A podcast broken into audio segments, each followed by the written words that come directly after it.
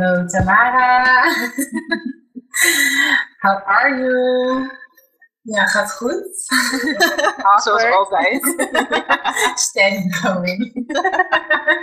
Heel steady. ja, een beetje awkward. Ja, die eerste podcast. Ja, super spannend. Ja, maar leuk dat je dit met mij wilt doen. Wij Ja. spreken elkaar nu al, eigenlijk al wel een ruim een jaar, denk ik, nu via Instagram. Ja. En hebben elkaar onlangs ontmoet. Ja. Superleuk. Ehm, maar ik ben jou tegengekomen omdat je dus kaarten legt. Jij leest tarot en orakelkaarten. En nou, ik heb een keer een reading van jou gehad. Best wel aan het begin. En ja, dat vond ik echt super indrukwekkend en super leuk. En toen leerden wij elkaar een beetje beter kennen. En goed ons contact ook. Dus eh, nu zijn we twee clownvriendinnen samen. Echt een perfecte samenvatting. Maar eh, ik ben dus ook wel heel erg benieuwd van hoe jouw reis een beetje is geweest tot de tarot reader die nu gewoon wekelijks bij de NC magazine te zien is van hoe dat een beetje is gegaan en ja. ja, hoe, jou, hoe, je, hoe ja, dat vroeger voor jou als kind was, bepaalde nou ja, gaves of talenten of hoe je het noemen zich hebben ontwikkeld en wat je daarvan hebt meegekregen met je familie. Dus duidelijk een beetje met je over kletsen vandaag. ja, superleuk. Super spannend. Ja, Echt ehm, gek of zo om daarover na te denken hoe dat dan allemaal precies is gegaan. ja, Ja, ik denk dat je soms ook niet helemaal stilstaat bij de doorbraken die je al hebt gehad of zo. Maar dat je het ook zo zoek bent naar de volgende. ja, ja, heel herkenbaar. Ja, ik weet niet. Alle dingen die je nu hebt meegemaakt en alle dingen die nog gaan komen of zo. Het is ook wel gewoon allemaal bijzonder. En ik denk dat je daar ook wel nog wat meer bij stil mag staan. Ja. ja, ik denk dat we ook vooral die groei pas door hebben op het moment dat we echt een grote mijlpaal of zo bereiken, een Ja. groot doel bereiken, terwijl er daarvoor allerlei kleine momentjes zitten. Ja, zo ervaar ik zeg maar ook wel mijn ehm, soort van reis of zo die ik het afgelopen jaar heb doorgemaakt. Ook toen je net zei van we spreken ongeveer een jaar. Toen ging ik even terugdenken. Toen dacht ik van ja, we spreken echt al een jaar. Er is al zoveel gebeurd, Ja. zeg maar. Ja, Waarbij je dan niet helemaal stilstaat. Waarbij het dan een soort kleine, ja, hoe zeg je dat, een soort uh, broodkruimeltjes lijken. ja, Terwijl er dan toch hele grote dingen of zo tussen zitten. ja, want hier ben je dan ook best wel open over op Instagram, of tenminste heel open, maar dit is wel iets wat je wilt deelt, dat je ook best wel met je mentale gezondheid hebt gestruggeld ook, of nog steeds wel zoekende bent, maar ehm, en dat je uit een burn-out komt. Maar dat is een jaar geleden, toen ik jou ontmoette, toen zat jij daar net in. Ja, ik denk dat het zo te maken heeft met het, dat je sommige dingen van jezelf kleiner maakt in je eigen hoofd of zo. Ja, Dat ik denk van ja, maar goed, ja, wat, wat, wat kun je doen, zeg maar. Je, je moet wel voor gaan herstellen en aan jezelf gaan werken en jezelf uiteindelijk beter voelen. Dus het is ook niet alsof ik echt een keuze heb gehad, want ik zat al in het fucking liefde van mijn leven. nou, nu we, we hebben gelijk het, het, het ergste besproken. Ja, echt, erger dan dit kon niet worden, bedankt. Ja. ik denk, gooi hem er maar gelijk even in. Ja, precies, jij bent maar vanaf. Laten we even iets verder terug in de tijd gaan te maken. Laten we even bij het begin beginnen. Oké. Want je bent nu dan tarot, tarot lezen en nou, dat loopt volgens mij best wel, eh, best wel goed. Ja, En, ehm, maar ik ben dan heel erg benieuwd van oké, als we dan even kijken naar jonge kleine Tamara. Wat voor iemand was jij toen? Toen je echt gewoon nog een kind was. Wat voor een kind was je? ja. Een heel uh, clown. Nee, is een grapje. Nee, is geen grapje. Sorry.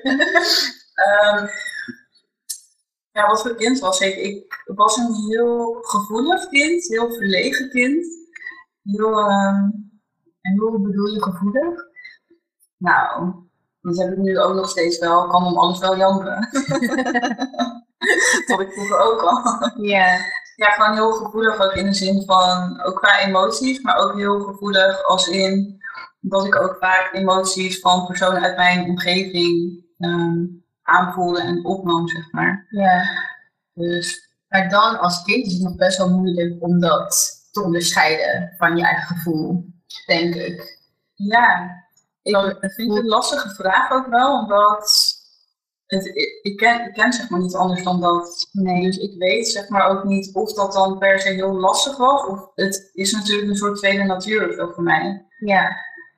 Maar ik denk dat wel, tenminste, van als je iets voelt, dat je dan bewust bent, misschien nu wel van of dat van jouw eigen gevoel en emoties is, of dat het van de ander is, zeg maar. Ja, Of dat voelt, hoe voelt dat? Of ja, ik weet niet. Voelt dat nu wel zo dat, je dat, dat er zo'n onderscheid in zit? Of was het iets wat je vroeger ook al makkelijk kon, zeg maar? Ja, ik denk dat ik dat vroeger niet per se had. Ehm, maar nu tegenwoordig wel, zeg maar, dat ik wel echt kan voelen van oké, dit is van jou en dit is van mij. Ja.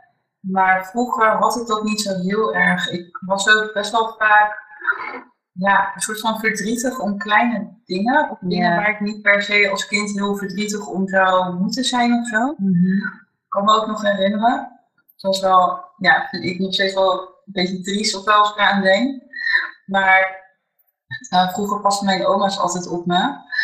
En ik weet nog dat ik bij mijn ene oma een dagje was geweest. En het was altijd heel gezellig, want zij pakte ook altijd helemaal uit met spelletjes die ik dan mee mocht nemen en die we gingen doen. En eh, ze had een klein hondje en dan gingen we dan mee wandelen. En dan gingen we naar het hertenkamp en dan gingen we daar geitjes en hertjes eten geven en zo. Dat was heel leuk. Ja.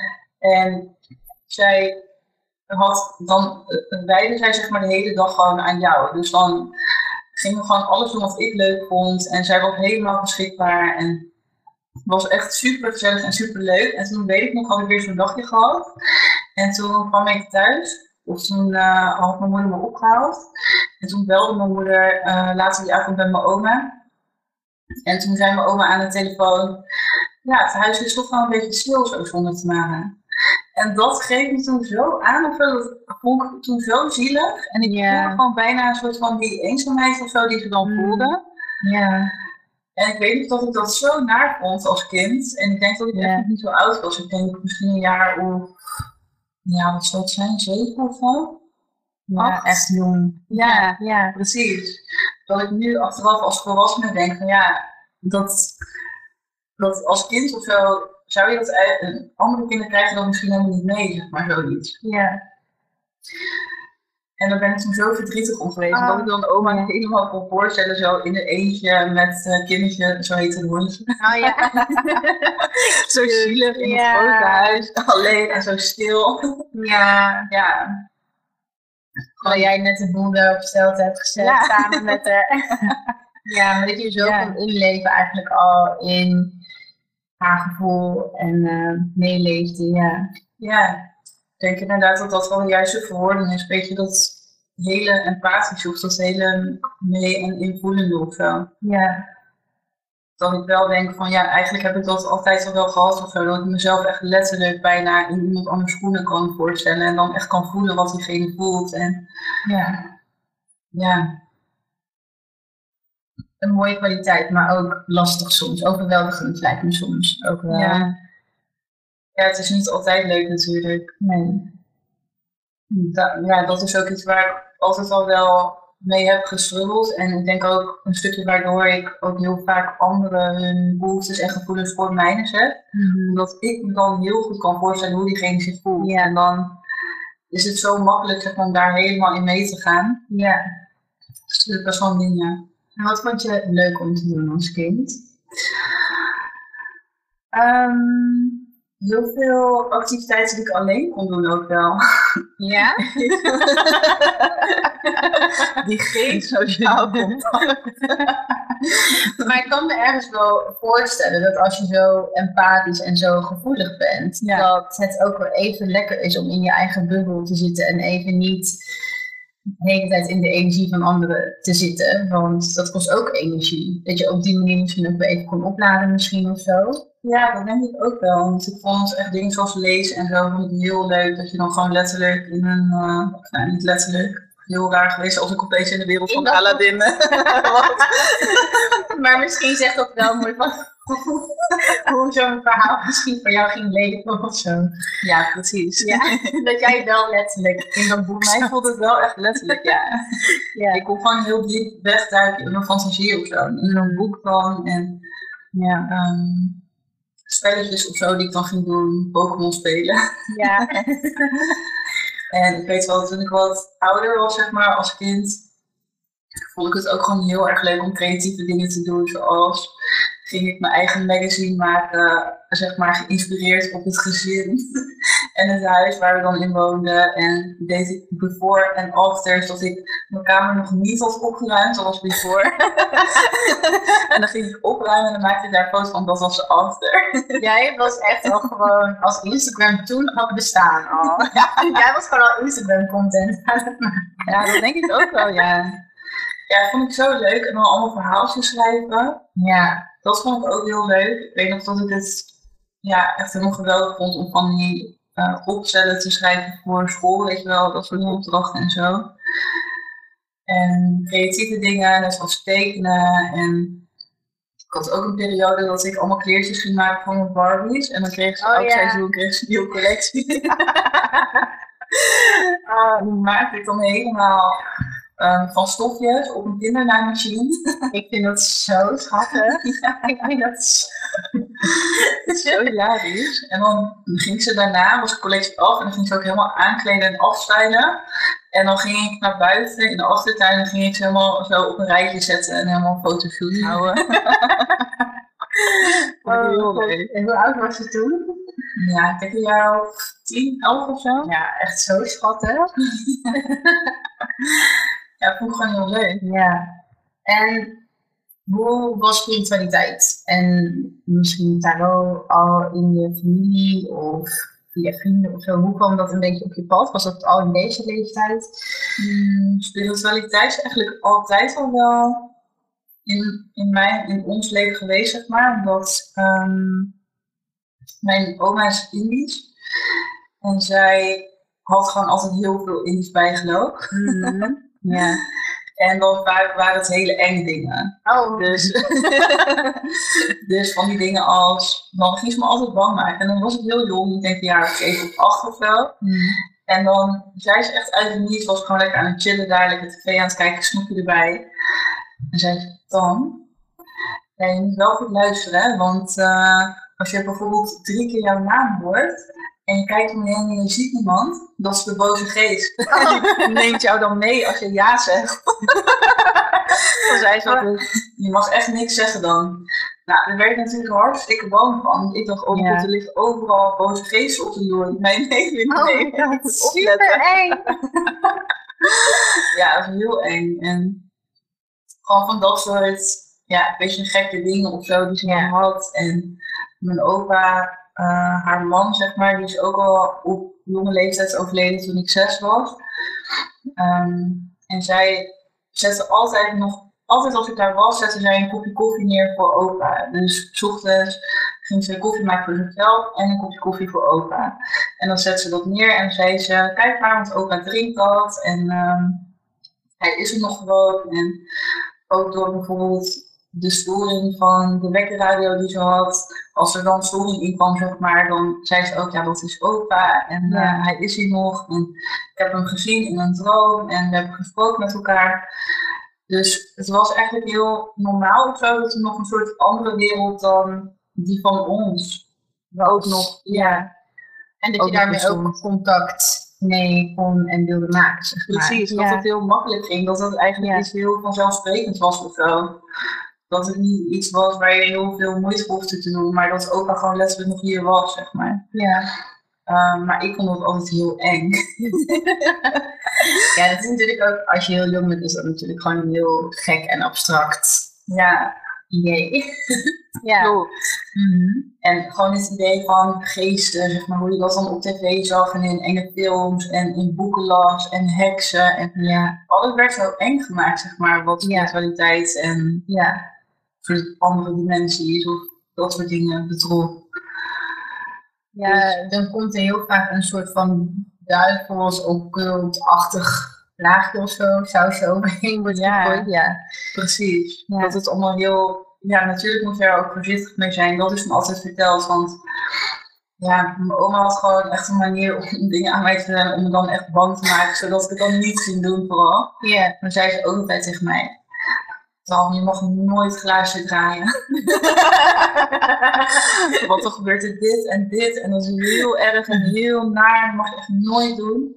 En toen zei ze ook op een gegeven moment een keer tegen mij. Ik ook daarna kwam ik thuis en zei ik tegen moeder van. Ja mam, ik mag geen Scrabble meer doen van oma. En mijn moeder zo. Scrabble? Ik zei ja, dat bord met die letters en zo. Want oma zei dat je daar boze geesten mee oproept. Oh, zo'n Ouija-board. Ja, toen zei moeder, oh, zo'n Ouija-board. maar mijn oma, ja, die had natuurlijk allemaal, ehm, die zei woorden heel vaak fout. zo. die dacht gewoon, oh ja, zo'n Scrabble-board, dat moet je niet doen. dus ik had een soort doodsangst ontwikkeld voor Scrabble. Ah. Wat niet nodig was. Maar was jouw oma dan ook echt iemand die jou daar echt, echt een beetje expres mee probeerde te plagen? Of was zij wel gewoon heel serieus daarover? Allebei. Dus Allebei. hield ook wel echt van plagen. ja, ja, Ja, het was wel echt een plaagoma. ja.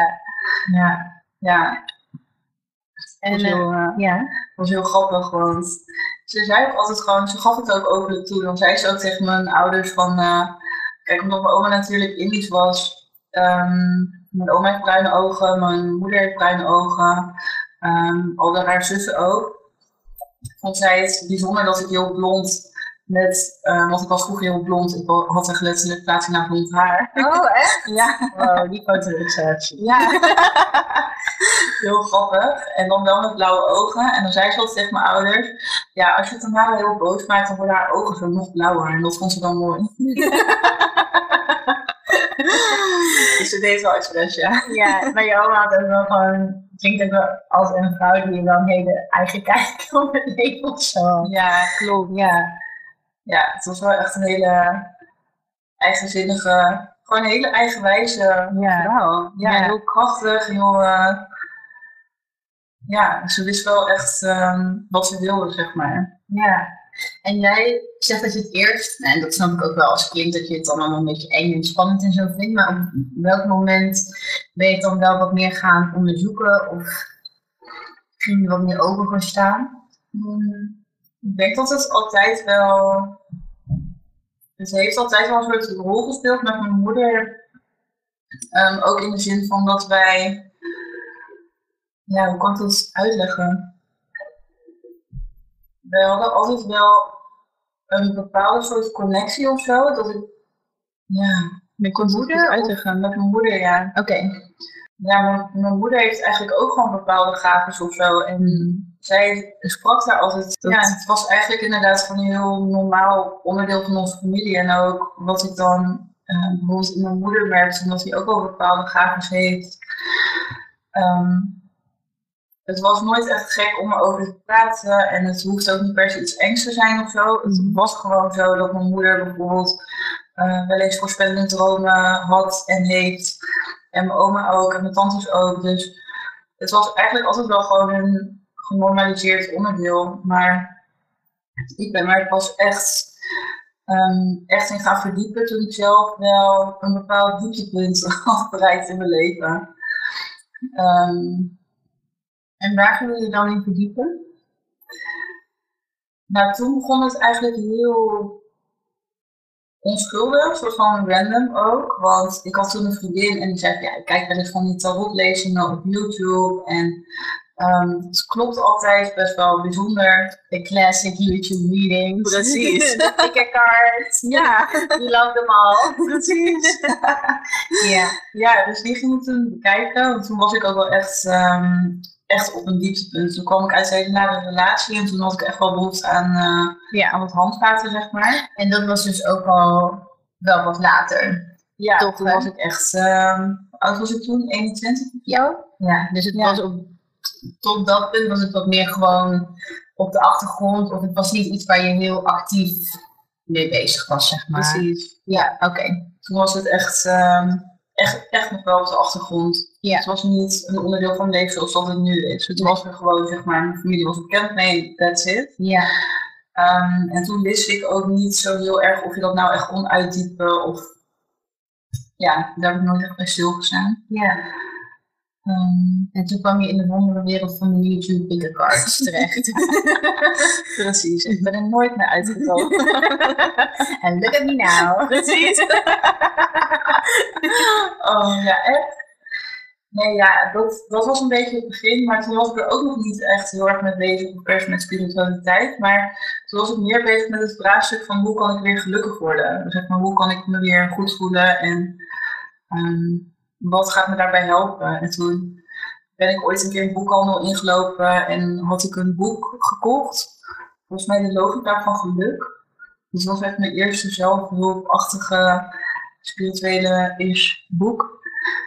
Um, en toen is het balletje een beetje gaan rollen. Maar ik moet zeggen dat ik toen nog niet bewust was van mijn eigen gaven heel erg. Nee, oké. Nee. Dus je was vooral een beetje aan het zoeken en aan het ontdekken. En je was eigenlijk vooral zelf wat tools aan het verzamelen op dat punt. Ja, eigenlijk wel. Ja. Een beetje aan het kijken van ja, wat, wat is er dan allemaal? Wat kun je dan allemaal doen? En ja, um, ik zit ook te denken, maar toen was ik daar helemaal niet um, van bewust. Want ik, ik voelde wel altijd mijn hele leven al wel dingen, net zoals die emoties van andere mensen. Ja. En het is ook vooral zo dat ik daar in daten zeg maar tegenaan ben gelopen.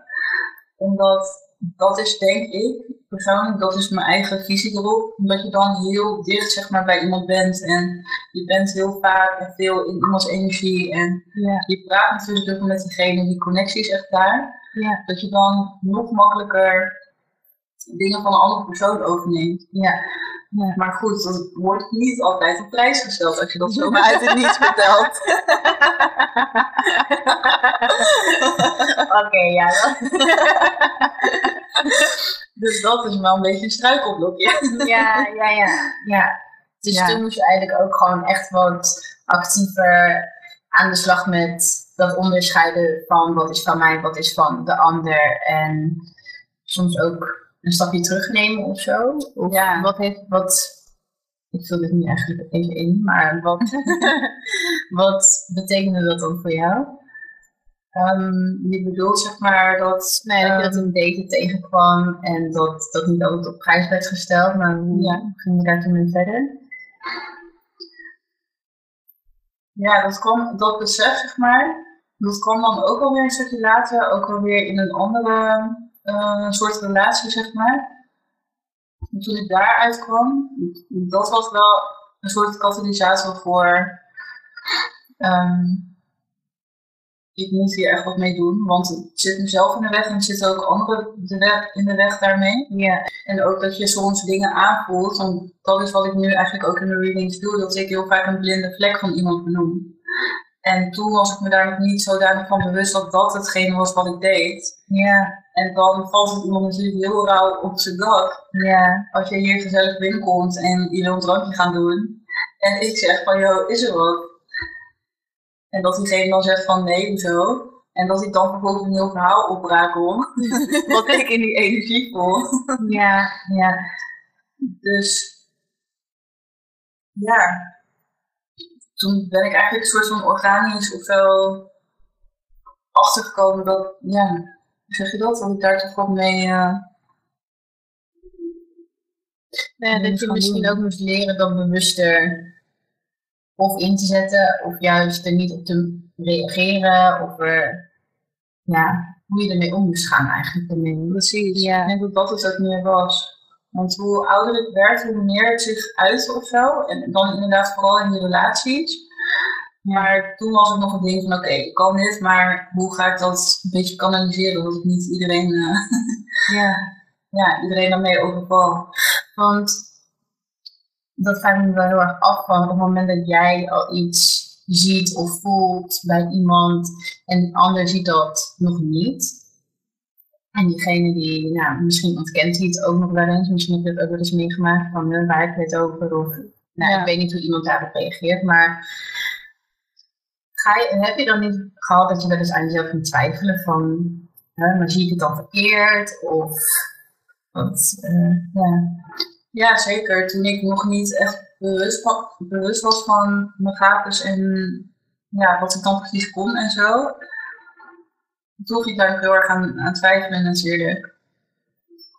Maar nu ik een betere relatie ook heb ontwikkeld met mijn eigen intuïtie en dat ik ook weet waar ik vandaan kom en um, dat ik beter onderscheid kan maken in wat van mij is en wat niet van mij is, dan ben ik ook wel gewoon zeker, zeker van de zaak. Ja, ja, ja super mooi is dat. Want ik denk dat ja, als je dan zo gevoelig bent, dat het heel makkelijk is om te twijfelen aan je eigen intuïtie. Ja, ja. zeker. Vooral, ja, kijk, ik heb natuurlijk wel het een en ander meegemaakt. Um, met vervelende relatie en burn-out en zo. En dat zijn wel situaties waar ik nu, uh, als ik er achteraf op terugkijk, kan zeggen van oké, dat, dat zijn situaties waar ik heel erg voorbij ben gegaan aan mijn intuïtie en wat ik voelde. En daardoor ben ik eigenlijk in zo'n nare situatie beland. Ja. Dus ik probeer dat nu wel echt vast te houden als een soort anker. Dan zie je wel, ik weet wel gewoon wat ik voel. Ja. En dat mag ik ook gewoon um, erkennen. Ja, want ik denk dat heel veel mensen, maar ook vooral vrouwen, zich also op een manier herkennen in wat jij zegt, aan zichzelf voorbij gaan. Wat heeft jou nou bijvoorbeeld geholpen om wel meer daarin te geloven? Wat zijn een paar tools bijvoorbeeld die helpen voor zijn geweest? Ja, goede vraag. Hmm. Ik denk sowieso ook waar ook dat stukje van dat spirituele zeg maar, begonnen is, is dat ik een Reiki 1 cursus heb gedaan. Mhm. En dat was ook niet per se met intentie um, om anderen echt ermee te helpen, maar meer om mezelf beter te leren kennen en mezelf wat meer te laten voelen. Ja. Dus dat is ook wel echt een um, echt iets wat mij persoonlijk heel erg geholpen heeft. Ja, eigenlijk echt ook een, een goede relatie met jezelf opbouwen en jezelf ook heel serieus nemen. Ja. Of ik daar echt een praktische tip voor kan geven, maar um, ik denk dat het ook al met een stukje heling te maken heeft. En ja, ook gewoon hele aardse dingen, zeg maar, zoals therapie bijvoorbeeld. Ja. Um, dat je echt kan, kan gaan onderscheiden van wat is iets wat voortkomt uit mijn trauma of wat voortkomt, ja. voortkomt uit mijn hart. Um,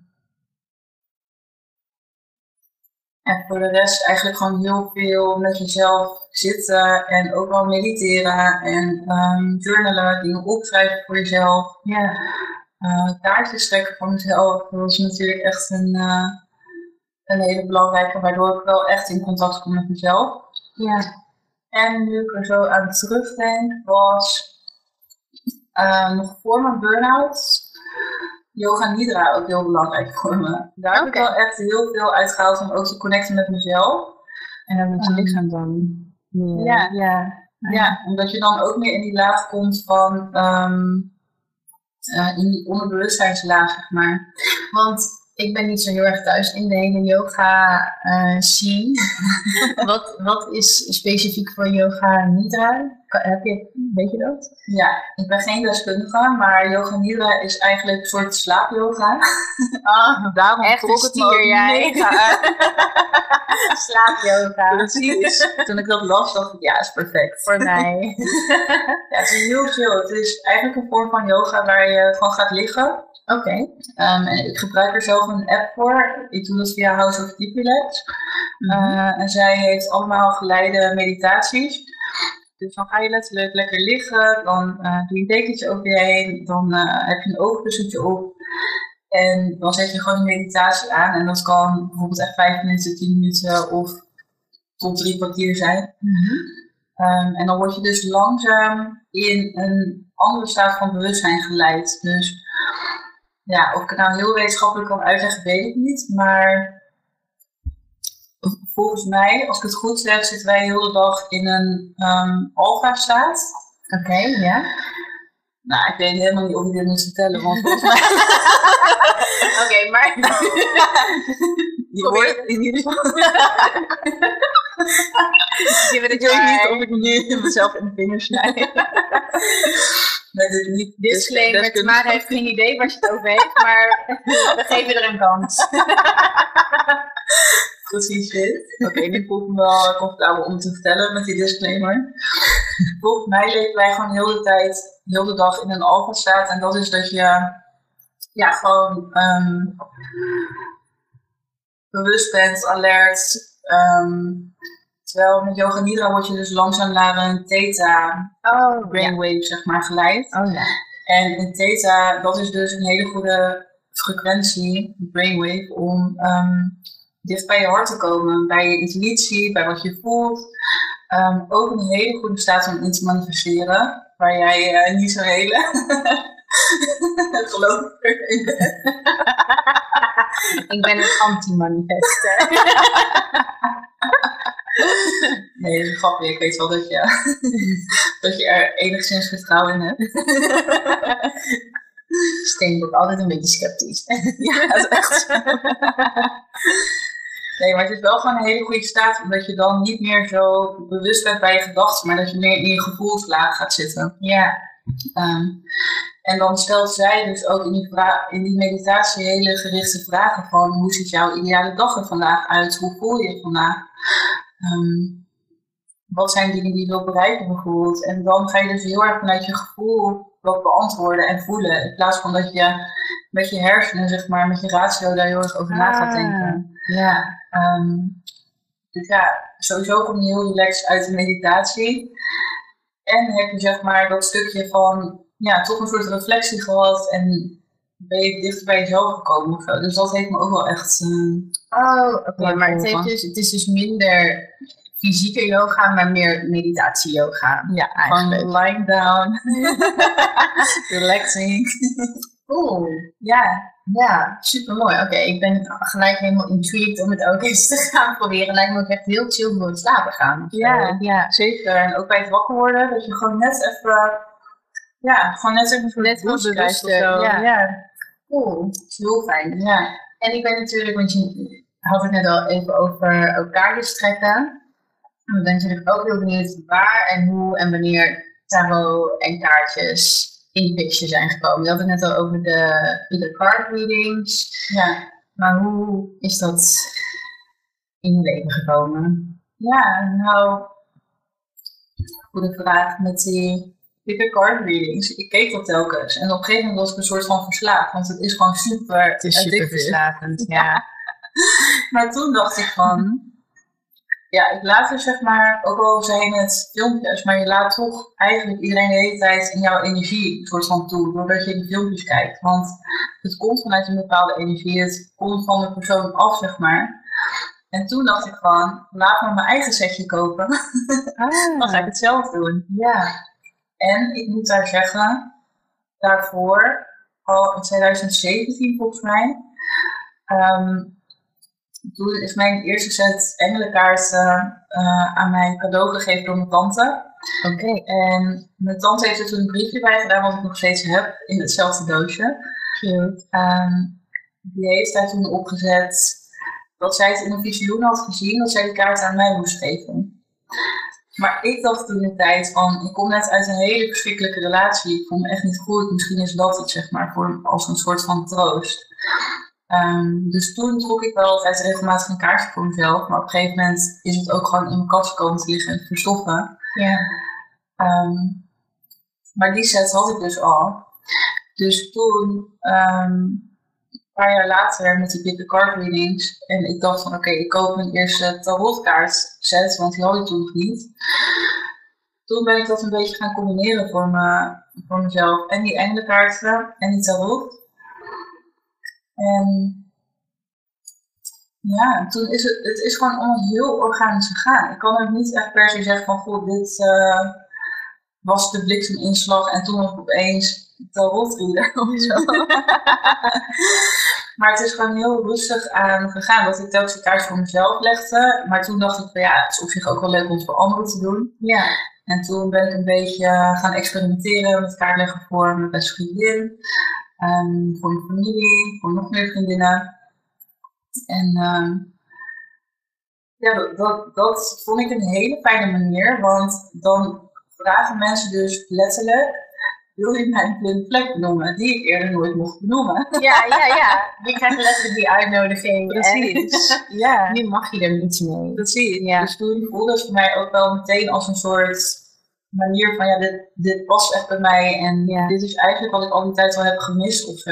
Ja. Um, en toen ben ik het steeds meer gaan uitbreiden en um, nog meer vriendinnen gaan leggen. En het klopte ook telkens, maar ja, elke keer dacht ik van, de, tuurlijk klopt het, want jullie zijn vriendinnen. ik ken jullie al. Ja. ja. Um, en toen begon ik eigenlijk ook wel te denken van misschien kan ik dit ook wel voor vreemden doen, maar ik vind die stap heel eng. Ja, dat snap ik wel. Ja. Ik dacht van, van, eerst, ik was gewoon zeg maar een hele nuchtere, ja, gewoon een normale chick zeg maar op Instagram helemaal 0,0 sign of spirituality, dat ik opeens zou komen met, ja, wie wil een kaartje? Dat was best wel spannend. Ja. Door het een soort van stigma of zo wat op spiritualiteit heerst. Ja. Maar ja, toen zijn mijn beste vriendin, was een avond hier, hadden wijntjes op. Zij zei, doe het nou maar gewoon. Ja. Upload het en kijk gewoon even hoe dat gaat. Kijk wat er gebeurt. Ja. En toen uh, heb ik dat inderdaad gedaan. En toen ben ik begonnen letterlijk met allemaal, volgens mij gewoon één kaartje trekken voor allemaal verenigingen. En daar een beetje uitleg bij geven. En dat klopte toen ook allemaal. Toen dacht ik van, oh, dat is grappig. Ja, ja. en toen um, ja, werd het gewoon steeds leuker en leuker. Ik kreeg nog meer aanvragen, nog meer aanvragen. En begon ik het ook uitgebreider te doen. Dat ik dan drie kaartjes deed met een hele uitleg erbij. En toen kreeg ik op een gegeven moment ook de feedback van ja, het is, het is zo kloppend en het is heel goed. Eigenlijk zou je hier wat geld voor kunnen vragen ook. Nou, dat is nog een uh, heftige stap. Ja. Maar toen heb ik het toch gedaan. En toen, uh, ja, zo is het allemaal een beetje geboren. Ja. ja, heel organisch ook weer. Ik ben nog wel benieuwd van, hoe ben jij, uh, hoe heb jij de tarotkaarten leren kennen? Ik, ik heb daar altijd heel veel verschillende dingen over gehoord. Sommige mensen die slapen ermee, die uh, mediteren erop. Sommige mensen die gaan gewoon nieuw in het boekje kijken. Sommige mensen die kijken gewoon naar de afbeelding. Maar hoe heb jij de tarotkaarten leren kennen? Ja, dat is wel een uh, leuke vraag. Nou, sowieso door het obsessief bekijken van pick card reading. dat was uh, leerschool nummer één. Ja, ja.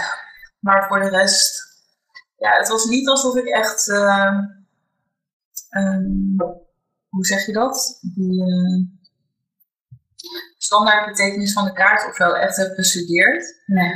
Mm -hmm. um, ik werk nu nog steeds eigenlijk niet echt per se met de standaard definitie van de kaarten, maar meer op gevoel en op intuïtie en op wat ik zelf in de afbeelding zie. Um, ja. En je zei eigenlijk een tijdje terug ook al van ja, ik weet niet of je dit wil bespreken überhaupt. Je mag het proberen. Probeer dan. Dat je zei van ja, eigenlijk heb ik die kaart ook helemaal niet nodig. Want ik werk eigenlijk met energie en die voel ik. En ja, uh, die kaarten zijn misschien een soort van bevestiging of houvast. Ja, dus het, zijn, dus het is eigenlijk meer dat die kaarten een soort van bevestiging zijn van wat jij eigenlijk al voelt bij iemand. Ja, dat klopt ook wel. De kaarten zijn meer een soort ankerpunten of zo voor me. Ja. Um, dus het is fijn, zeg maar, um, een soort wegwijzers. Ja, bijna wel. Het is ja, ik weet ook niet per se hoe ik het echt moet uitleggen, maar het voelt meer als een soort samenwerking tussen mij en de kaart, in plaats van dat ik zeg maar, de kaart echt per se lees of zo. Mm het voelt meer als een wisselwerking, want ik zie de kaarten, misschien is het heel raar om te zeggen, maar ook een beetje als een soort levend organisme of zo, mm. waar je dan toch informatie van doorkrijgt. Ja. Um, en natuurlijk werk ik ook wel met um, de officiële betekenissen van de kaart, of tenminste, daar ja, ben ik wel van op de hoogte, want dat ja, leer je gewoon gaandeweg. Ja. Ook gewoon door de boekjes gelezen om bij de kaarten te zitten en om dat soort dingen. Ja. Ehm, maar ik denk wel dat ik mijn hele eigen manier zeg maar, heb ontwikkeld om daarmee te werken. Ja. En je zei net ook iets over, en dat, dat vind ik toch wel leuk om echt te bespreken. Maar jij zei dat je ook wel energie van dieren voelt in readings die je geeft. Kan je daar Ja. iets over vertellen? Hoe dat, ja, het is een beetje abstract ook voor jezelf, hoe dat precies werkt. Maar wat, wat daarmee gebeurt. Ja, dat is wel iets heel grappigs en leuks, waar ik ook zelf mee verrast ben. Ja, want dat heb je niet altijd. Dat is ook iets nieuws voor jou. Ja, eigenlijk. Ja. ja iets nieuws inderdaad. Want, hoe, want vertel eens hoe dat, wanneer dat is gekomen en hoe dat dan ging. Ik denk dat ik nu, ja, zeg vorige zomer of zo, was ik dat denk ik voor het eerst. Ehm, als ik een reading voor iemand doe, dan voel ik natuurlijk helemaal in bij eh diegene's energie en sluit ik even mijn ogen en eh, vraag ik mijn gidsen zeg maar ook om te assisteren. Ehm, en dan voel ik ook wel, dan weet ik ook dat zij er zijn. Ehm, en terwijl ik de kaart dan schud, ben ik zeg maar helemaal op de andere persoon gefocust. Maar nu was het dus zo dat er ook een dier zeg maar meekwam Ja. op dat moment. Terwijl je aan het intunen bent. Ja, Ja. meestal is dat echt het eerste contactmoment, zeg maar, wat ik echt heb met de energie van de ander. Ehm, ja, dan, dan komt er een diertje mee. Hoe kan ik het uitleggen? Ja, het is niet alsof die... ja, ik zag al helemaal voor me dat het een soort van patronus was. Zoals in Harry Potter. maar dat was het helaas niet. Nee, dat zou echt super spectaculair zijn. Zou Ja. leuk zijn. Ja, ik hoopte het zo. Dat zou toch zo vet zijn. Ja, sorry. Zal ik doen alsof? Ja, doe even. Ja, het is... Ik weet niet, alsof ik er toch in... Maar je ziet het dus ook niet visueel, zeg maar. Nee, het is niet alsof ik dingen echt visueel zie zoals dat ik jou nu voor me zie zitten, maar meer in mijn, ja, zeg je dat, mind's eye of zo. Derde oog, ja, vind ik dan weer zo een beetje zweverig klinken. Ja, maar ja, het is toch de taal, denk ik, die, die ervoor nodig is. Ja. Ja, daar heb ik dan denk ik toch nog een beetje moeite mee zo met die, dat Ja. soort termen. Maar ik denk wel dat het gewoon zo is. Ja. Ehm, dus het kan zijn dat ik iets echt voel, maar, of dat ik iets echt zie. Maar het komt ook heel vaak voor dat ik iets heel erg voel of weet. En dat zou ik meer linken aan heldervoelendheid en helderwetendheid. Ja, dus dan Ehm. weet je gewoon dat de energie van een bepaald dier er is. Ja, zeg dan weet ik bijvoorbeeld dat er een luipaard meekomt. En dat noem ik dan meestal. En heel vaak, heel vaak, af en toe weet ik ook niet precies wat de boodschap dan is. Want ik zie dat dier altijd als een soort boodschapper. Ehm, gewoon het, het soort van aandachtspunt in jouw energie die dan naar voren komt in de vorm van een dier.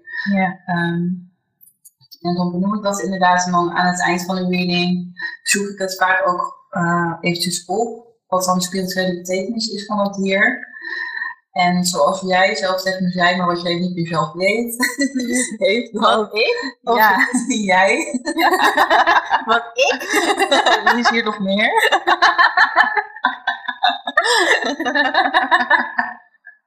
Wat ik hier weet. Je eigen geniale uitspraak ben je Oh. helemaal totaal vergeten. Oh, ja, ik vond het echt geweldig, want toen dacht ik, ja, dit is het gewoon. Oh, Want jij zei tegen mij, dat zijn waarschijnlijk de, arch- Oh. archetypische energie die jij Dit zei je echt letterlijk een half uur nog tegen mij en ik ben het weer vergeten. Ja, wat betekent dat?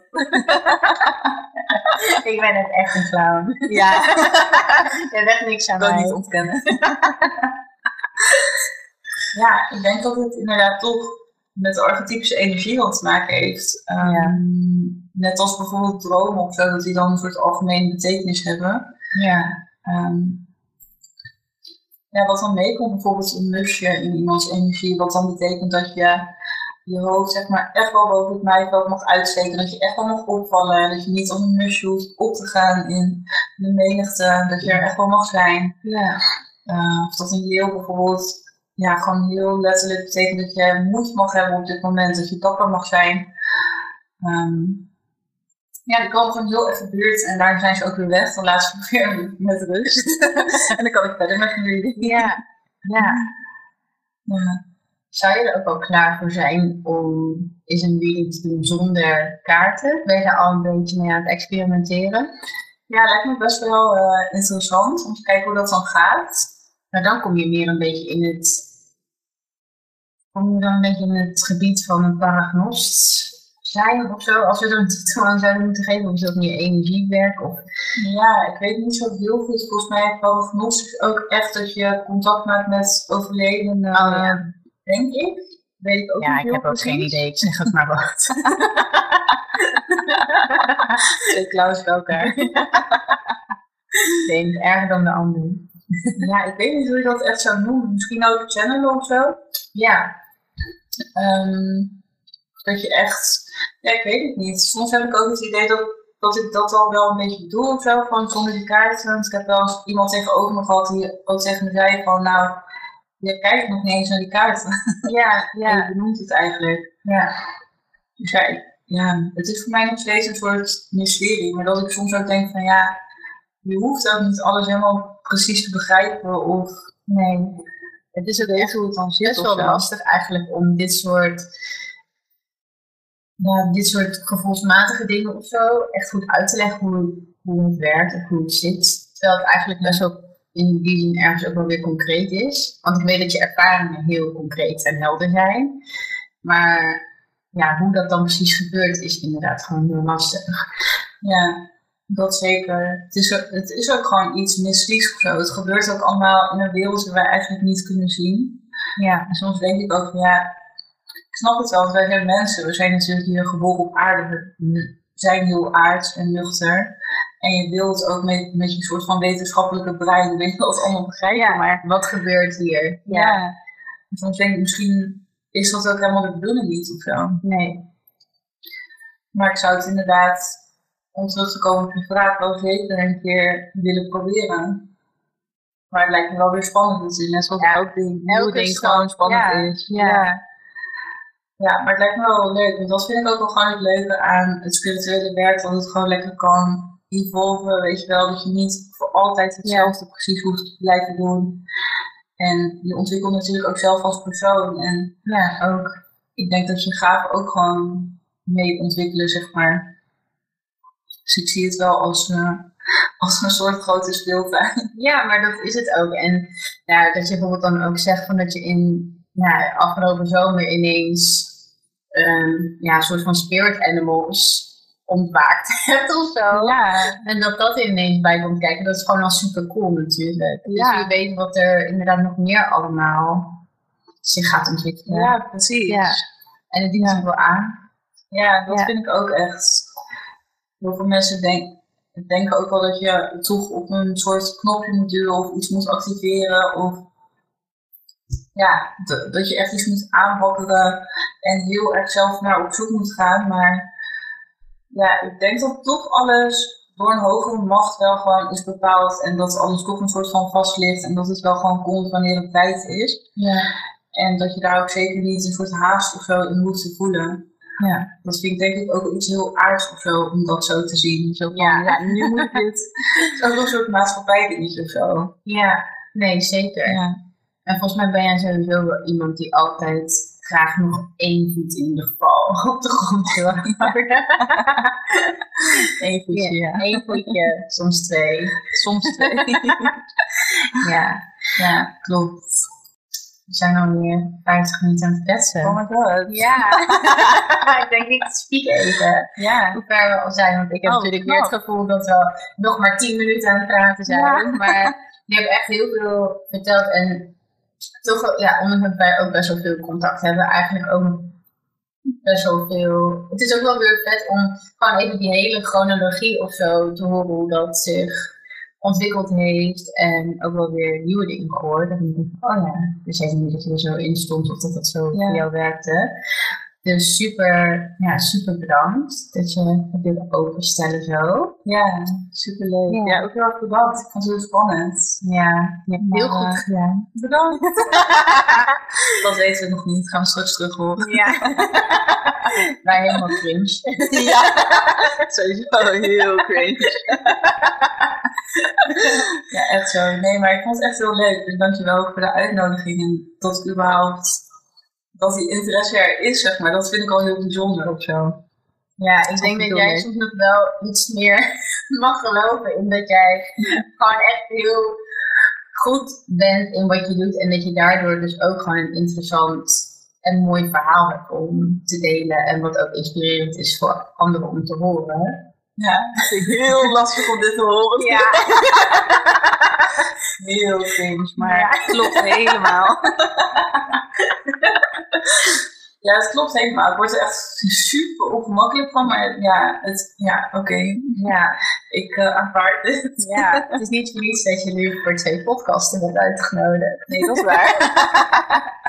nee, dat is wel super leuk. Ook um, dat ik nu gewoon een wekelijkse rubriek heb, zeg ja. maar, bij de NC. Dat is gewoon ja. Iets wat ik nooit heb kunnen voorstellen. Dat vind ik zo bizar nog steeds. Ja, ik denk dat het alleen maar een bevestiging is van, ja, je mag gewoon gezien worden. Ja, superleuk. Echt, uh, living my best CEO mood life.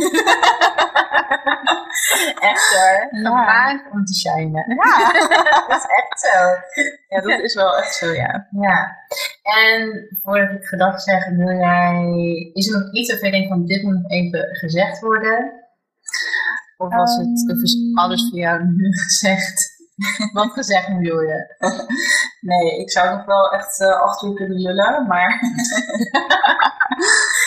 nee, ik denk dat het gewoon. Ja, ik weet niet. Dat ik wel gewoon wil meegeven dat iedereen kan doen of zo, wat ik doe. En dat ik echt wel um, erin geloof dat iedereen bepaalde gaven heeft. Ja. Um, en dat je niet ja, weet ik wel, een van de super bijzonder buitenaards wezen hoeft te zijn of zo. Dus Geen alien te zijn. Nee, precies. Hmm. Dus dat vind ik wel een belangrijke om dit te benoemen, omdat ik ja. soms ook merk dat de mensen die naar me toe komen voor een reading nog heel zoekende zijn en soms ook niet helemaal nog in hun eigen kracht staan, wat ik begrijp, want dat is ook zelf ook zo. Ja. Ik ben ook altijd nog zoekende. Um, maar ik wil wel gewoon meegeven dat iedereen dat, uh, ja, ja, als deze clown het kan doen, dan kan iedereen het.